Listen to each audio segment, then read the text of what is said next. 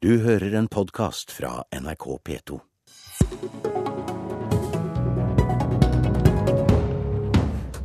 Senterpartiet mener vi skal bruke reservasjonsretten mot EUs vikarbyrådirektiv.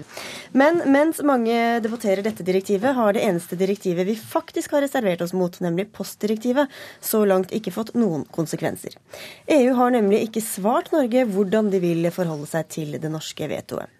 Senterpartileder og kommunalminister Liv Signe Navarsete, hvordan tolker du det at EU ikke har kommet tilbake til oss om dette ennå? Nei, det, det kan en sikkert tolke på mange vis, men eh, jeg velger å tolke det slik at eh, denne saken ikke er av det mest prioriterte, vil jeg tro. I en tid der EU har mye interne mye internt trøbbel å ta seg av. Men eh, vi må jo kunne se det som at det ikke akkurat har forårsaka noe stor rystelse internt i EU at Norge har sagt nei. Ja. Viser det at det ikke var så farlig å legge ned veto likevel? Ja, jeg tror det viser at eh, det at vi bruker reservasjonsretten eh, til beste for norske interesser, eh, faktisk òg har respekt i EU, og det skulle jo bare mangle. Vi er jo to avtaleparter som selvsagt må ha respekt for at den andre parten ikke alltid er enig, og så må en diskutere seg fram til kompromiss og løsninger. Det er jo slik en gjør det ellers, og det skulle jo bare mangle at ikke vi gjør det slik òg i forhold til EU. Så den Frykten som har vært skapt helt siden 94 for å bruke reservasjonsretten, mener jeg er overdreven og helt eh, feil. Mener du det, Nikolai Astrup? Du er stortingsrepresentant for Høyre og også sentralstyremedlem i Europabevegelsen. Altså, det er jo slik at EUs eh, e grunnidé er at man skal ha like spilleregler. Og når da 27 land blir enige om et sett med spilleregler etter mange års eh, forhandlinger og dragkamp, så er det jo underlig at et land som Norge skal komme noen år senere og si at vi har signert på at vi skal ha de samme spillereglene som dere. Vi ønsker ikke å være med i beslutningsprosessen, men eh, vi vil gjerne ha unntak for det ene og det andre. Det tror jeg ikke kommer til å gå i lengden. Eh, og så får vi se hvordan dette postdirektivet utspiller seg. Det er klart at det er et spesielt direktiv, fordi der har man bedt om unntak for ting som man i utgangspunktet ligger utenfor direktivet. Så det er ikke rart at EU har problemer med å svare, fordi her er det jo slik at det er ingenting som hindrer oss i å ha postombæring. Ja, vi, går ikke inn i det direktivet, men, men viser at det ikke var så farlig å sette ned foten likevel? Nei, fordi det er jo et dårlig eksempel. Eh, nettopp for, Nå skal vi ikke gå inn i direktivet, men det er et dårlig eksempel pga. direktivets natur. For det er ikke så mye å protestere mot. Eh, og så har EU litt andre ting på tallerkenen akkurat nå eh, enn å håndtere et veto mot noe som det ikke er grunn til å nedlegge veto mot. Navarsete, hvor mye handler dette om bekymring for direktivenes innhold og konsekvenser? Hvor mye handler det om generell EU- og EØS-skepsis hos dere i Senterpartiet? Eh, vi vurderer hvert direktiv for seg. Eh, og det er jo ikke lenge siden nå at vi har blitt kritisert fra Yasi om å svelle unna alt som kommer. Så Yasi må jo bestemme seg da, hva de mener egentlig om, om oss. Eh, det vi gjør, det er at vi vurderer innholdet om hva som tjener norske interesser. Og i dette tilfellet med vikarbyrådirektivet så vurderer vi hva tjener norsk arbeidsliv best. For vi mener at det at vi har en jamstilling mellom arbeidstakere og arbeidsgivere og samfunnet, det har gitt et viktig grunnlag til det vi kaller den norske modellen, som er et ryddig arbeidsliv. Eh, og det er sentralt òg for oss å opprettholde det videre. Hva tror du, Hvor mye handler det om generell EU-skepsis? Nei, jeg, jeg, mener at Nei-siden har jo lenge hatt en strategi om at EØS-avtalen skal nedkjempes direktiv for direktiv. og uh, det, Jeg tror dette er en del av den strategien, uh, for å være helt ærlig. Og det er jo underlig hva, hva Eh, hva Senterpartiet ser, som resten av europeisk fagbevegelse ikke ser. De er jo veldig for dette direktivet, nettopp fordi det gir gode vilkår for vikarer. Ja, og Da går vi ikke inn i det direktivet heller, men du mener dette handler om taktikk fra Senterpartiets side? Jeg mener at uh, disse to direktivene som vi har snakket om her, er, er eksempler på at man ønsker å undergrave EØS-avtalen. Eh, og vi har jo sett nå med Europautredningen hvor viktig EØS-avtalen er for Norge, og derfor så er det alvorlig. Og stadig minner folk om hvor eh, skeptiske dere er til EØS, til tross for at dere sitter i en regjering hvor dette ikke er tema. Navarsete.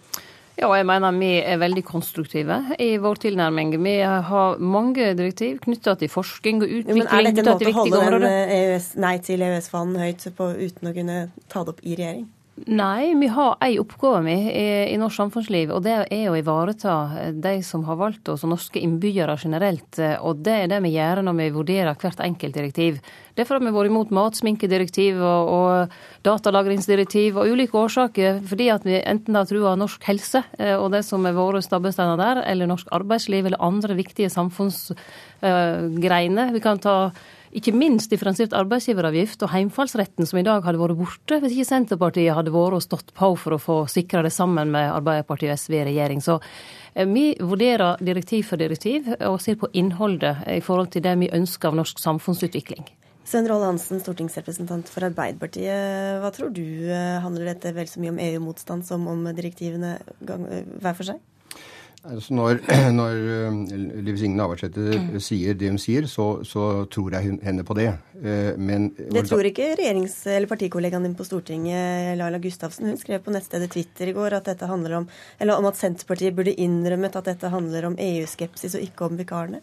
Ja, jeg deler ikke Laila Gustavsens syn på det. Men når det gjelder organisasjonen Nei til EU, så har de uttalt strategi om å undergrave EØS-avtalen. Så her må vi skille litt.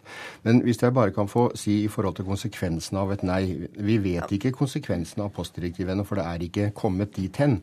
Men konsekvensen av et nei er at den delen i avtalen som et direktiv vi ikke implementerer, øh, gjelder, den vil satt, bli satt ut av spill, slik at det blir hull i avtalen. Og da er det ikke bare slik at reglene ikke gjelder i Norge, EU-reglene, men for norske bedrifter ute gjelder de heller ikke, så man mister beskyttelsen på det området. Det er konsekvensen eh, av det. Og blir for mange hull i avtalen, Eh, så svekker vi avtalens virkemåte i forhold til det som Nikolai Astrup sa, at du skal ha et felles regelverk i Europa. Det kan vi gjøre hvis vi mener det er viktig nok, men vi skal være klar over at konsekvensene, eh, hva konsekvensene er. Og de er større enn det man vanligvis uh, sier, mener du? Ja, det spørs, det spørs hvilket direktiv man snakker om. F.eks. tjenestedirektivet ville blitt et stort hull i avtalen, fordi hele tjenestesektoren ville ikke hatt beskyttelsen ute i Europa når den konkurrerte om oppdrag ute i Europa av et felles regelverk. Jeg hadde egentlig tenkt vi skulle komme tilbake til det her, for jeg skulle stille deg spørsmål også, Julie Lødrup. Du er daglig leder i den venstreorienterte Manifest senter for samfunnsanalyse. Og du er tidligere AUF-generalsekretær og også har noen verv i Arbeiderpartiet. Tror du det er sånn at EU-motstandere automatisk ønsker å reservere seg mot det som kommer fra EU av direktiver? Eh, nei, jeg tror ikke det. De siste årene har vi jo debattert flere direktiver der eh, ja-folk og nei-folk har stått sammen mot direktiver. F.eks. datalagringsdirektivet var det jo mange EU-tilhengere i bl.a. Eh, Nikolai Astrups parti Høyre og Venstre som har jobbet mot datalagringsdirektivet fordi de var imot innholdet i det direktivet. Da, post, et veto eller reservasjon mot postdirektivet fikk flertall på Arbeiderpartiets landsmøte, var det mange ja-folk som sto i spissen for kampen mot postdirektivet. Og nå i kampen mot vikarbyrådirektivet er det også mange ja-folk i fagbevegelsen og i Arbeiderpartiet som er mot dette direktivet pga. innholdet Så i det. Så at du er mot både EU og vikarbyrådirektivet har ingenting med hverandre å gjøre? Eh, nei, det har egentlig ikke det. Jeg er skeptisk til vikarbyrådirektivet fordi at det kan føre til økt vikarbruk i eh, Norge. Sånn som mange andre ja-folk og nei-folk i Arbeiderpartiet. Astrup? Ja, jeg er jo ikke, ikke der, eh, naturlig nok. Jeg, jeg, mener jo at det, det, er mulig å være, det er mulig å være mot uh, f.eks. Datalagringsdirektivet, fordi det er et veldig prinsipielt direktiv. Så da er det greit? Ja, fordi dette vikarbyrådirektivet handler ikke om uh, prinsipper, det handler om juss. Og jussen den er på vikarenes side. Og det slår jo Arbeiderpartiet i regjering fast. Og når statsråden sier det, så snakker hun på vegne av regjeringen, må man kunne si. Eh, så regjeringen slår fast at her er jussen på vikarenes side. Så, eh, mens, eh, mens mitt anliggende med datalagringsdirektivet var jo at det lå helt i ytterkant av det som kunne sies å være EØS-relevant i utgangspunktet. Når det da i tillegg var prinsipielt veldig problematisk, så mente jeg vi kunne bruke reservasjonsretten. Men det å bruke reservasjonsretten, som det da kommer opp stadig vekk nye krav, spesielt fra Senterpartiet, også fra SV, og nei til EU er jo, øh, går igjen hele tiden. Øh, det mener jeg vil være svært uheldig, fordi det vil undergrave den avtalen vi har med EU, EØS-avtalen, som er så viktig for norske arbeidsplasser og norsk øh, næringsliv. Ja, Navarsete, er dette noe dere vurderer, om dette er skadelig for EØS-avtalen, når dere går inn for å bruke reservasjonsretten fra tid til annen? Eh, når EØS-avtalen eh, ble inngått, eh, så var det kronargumentet for ja-sida at vetoretten kunne nyttast. Det var òg et kronargument at viktige områder i norsk samfunnsliv innenfor alkoholpolitikk, distriktspolitikk osv. ikke skulle bli berørt. Så ser vi at det er blitt berørt. Reklame, alkoholreklame er jo det siste eksempelet nå, ikke sant? Der vi, der vi ser ut til å, å tape. Uh, og, og, da mener jeg virkelig at vi må ha den respekten for EU at de ser på oss som likeverdige parter. Vi er ikke medlemmer. Det glemmer av og til ja-sida. Vi er ikke medlemmer. Vi er, en, vi er altså en selvstendig, likeverdig part som forhandler med medlemslandene på ulike områder, og må ha full rett til å ivareta norske interesser i, i det enkelte direktiv, uten at EU dermed skal svarteliste oss. Men du synes, Vil du synes det var greit hvis EØS-avtalen kanskje ble litt dårligere, eller litt, fikk litt mindre legitimitet dersom vi la ned veto flere ganger? Ja, Men EØS-avtalen er jo ikke en ensidig avtale til gunst for Norge. Det er jo en avtale som EU har inngått med Norge fordi at de òg ser nytten av Og Av og til tror jeg faktisk at vi på nei-sida har mer tillit til EUs system enn ja-sida har. For jeg tror nemlig ikke at systemet er slik at de svartelister oss fordi om vi bruker en rett som vi legitimt har. Men der jeg mener Liv Signe Navarsete nå tar feil, det er når hun bruker uttrykket svarteliste. Det handler ikke om svarteliste. Det handler om at en avtale som gir oss rett til å reservere oss, det er helt riktig, men da har det noen konsekvenser beskrevet i avtalen. Man skal forhandle. Finner man ikke en løsning, så skal vedkommende, altså angjeldende område som direktivet gjelder, bli satt ut av spill. Det er å ha respekt for hverandre og for avtalen. Og det handler ikke om å svarteliste, det handler ikke om å være slem. Det handler om en konsekvens av at vi ikke vil overta et regelverk. Da gjelder ikke det regelverket også norske bedrifter i utlandet. Så, så, å kalle det svartliste mener jeg er å, å, å, å altså skape en misforståelse om hva denne avtalen handler om. Og Det syns jeg statsråden skulle la være å gjøre. ok, Du får svare på kort på det, Navarsete. Ja, nei, Jeg mener ikke at jeg, eh, at jeg svartmåler det i forhold til den skrekkpropaganda som Yasi eh, har brukt helt siden 92 hvis en bruker vetoretten. Og det har, Dette er en litt ny type argumentasjon for det som hele tiden har vært sagt i alle sammenhenger. og Jeg har vært i mange diskusjoner om dette. Det er jo hvor fryktelig det kommer til å gå hvis, eh, med EØS-avtalen hvis vi eh, sier nei til et direktiv. Da rokker vi ved hele avtalen. Det tror jeg er feil. Julie Lødrup, nå har vi hørt altså fra ja-siden her, eh, representert i Arbeiderpartiet ved Svein Roald Hansen, og du er eh, på nei-sida. Hvorfor hvorfor tror du at flertallet i, på Arbeiderpartiets landsmøte i fjor nokså overraskende stemte post, altså stemte for å, å motsette seg postdirektivet, mens motstanderne i denne saken om vikarbyrådirektivet ser ut til å tape. Uh, nei, I fjor så hadde det jo foregått en mobilisering i forkant på Arbeiderpartiets uh, landsmøte. Og saken ble behandlet på fylkesårsmøter i Arbeiderpartiet over hele landet. Og mange var bekymret for hvilke konsekvenser postdirektivet kunne få for distriktene. Og vi så jo at det var en, en sak som engasjerte mye mer i eh, fylker hva skal lenger borte eh, fra Oslo enn det vi er her på Marienlyst. Og denne saken engasjerer jo eh, kanskje enda større grad eh, fagbevegelsen. Eh, men her har jo kanskje eh, motstanden kommet litt sent. Arbeiderpartiets stortingsgruppe har jo allerede eh, behandlet eh, den saken. For selv om noen har jobbet mot vikarbyrådirektivet i lang tid, så fikk de kanskje ikke nok momentum før etter Fellesforbundets landsmøte i høst, eh, der de gikk mot vikarbyrådirektivet. Hansen, nå er det altså økt mobilisering i Arbeiderpartiet og i fagbevegelsen, eh, selv om det kommer eh, sent. Det er sånn at både Stavanger, Bergen og Trondheim og Arbeiderpartiet har gått inn for et veto. Hva skal til for å overbevise ledelsen i Arbeiderpartiet og stortingsgruppa?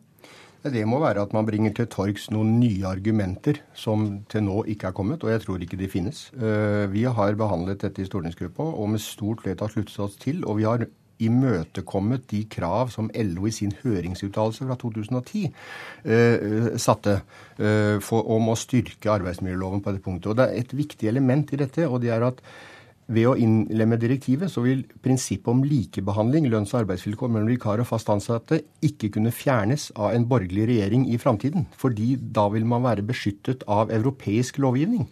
Alle andre tiltak som vi gjør på egen hånd, kan eh, endres i Stortinget med et nytt flertall. Navarsete, det ser ikke ut til at dere har klart å overbevise Arbeiderpartiet, men eh, hvorfor stoler dere ikke på de eh, betraktningene og de vurderingene som Arbeiderpartiet har gjort i denne saken om vikarbyrådirektivet?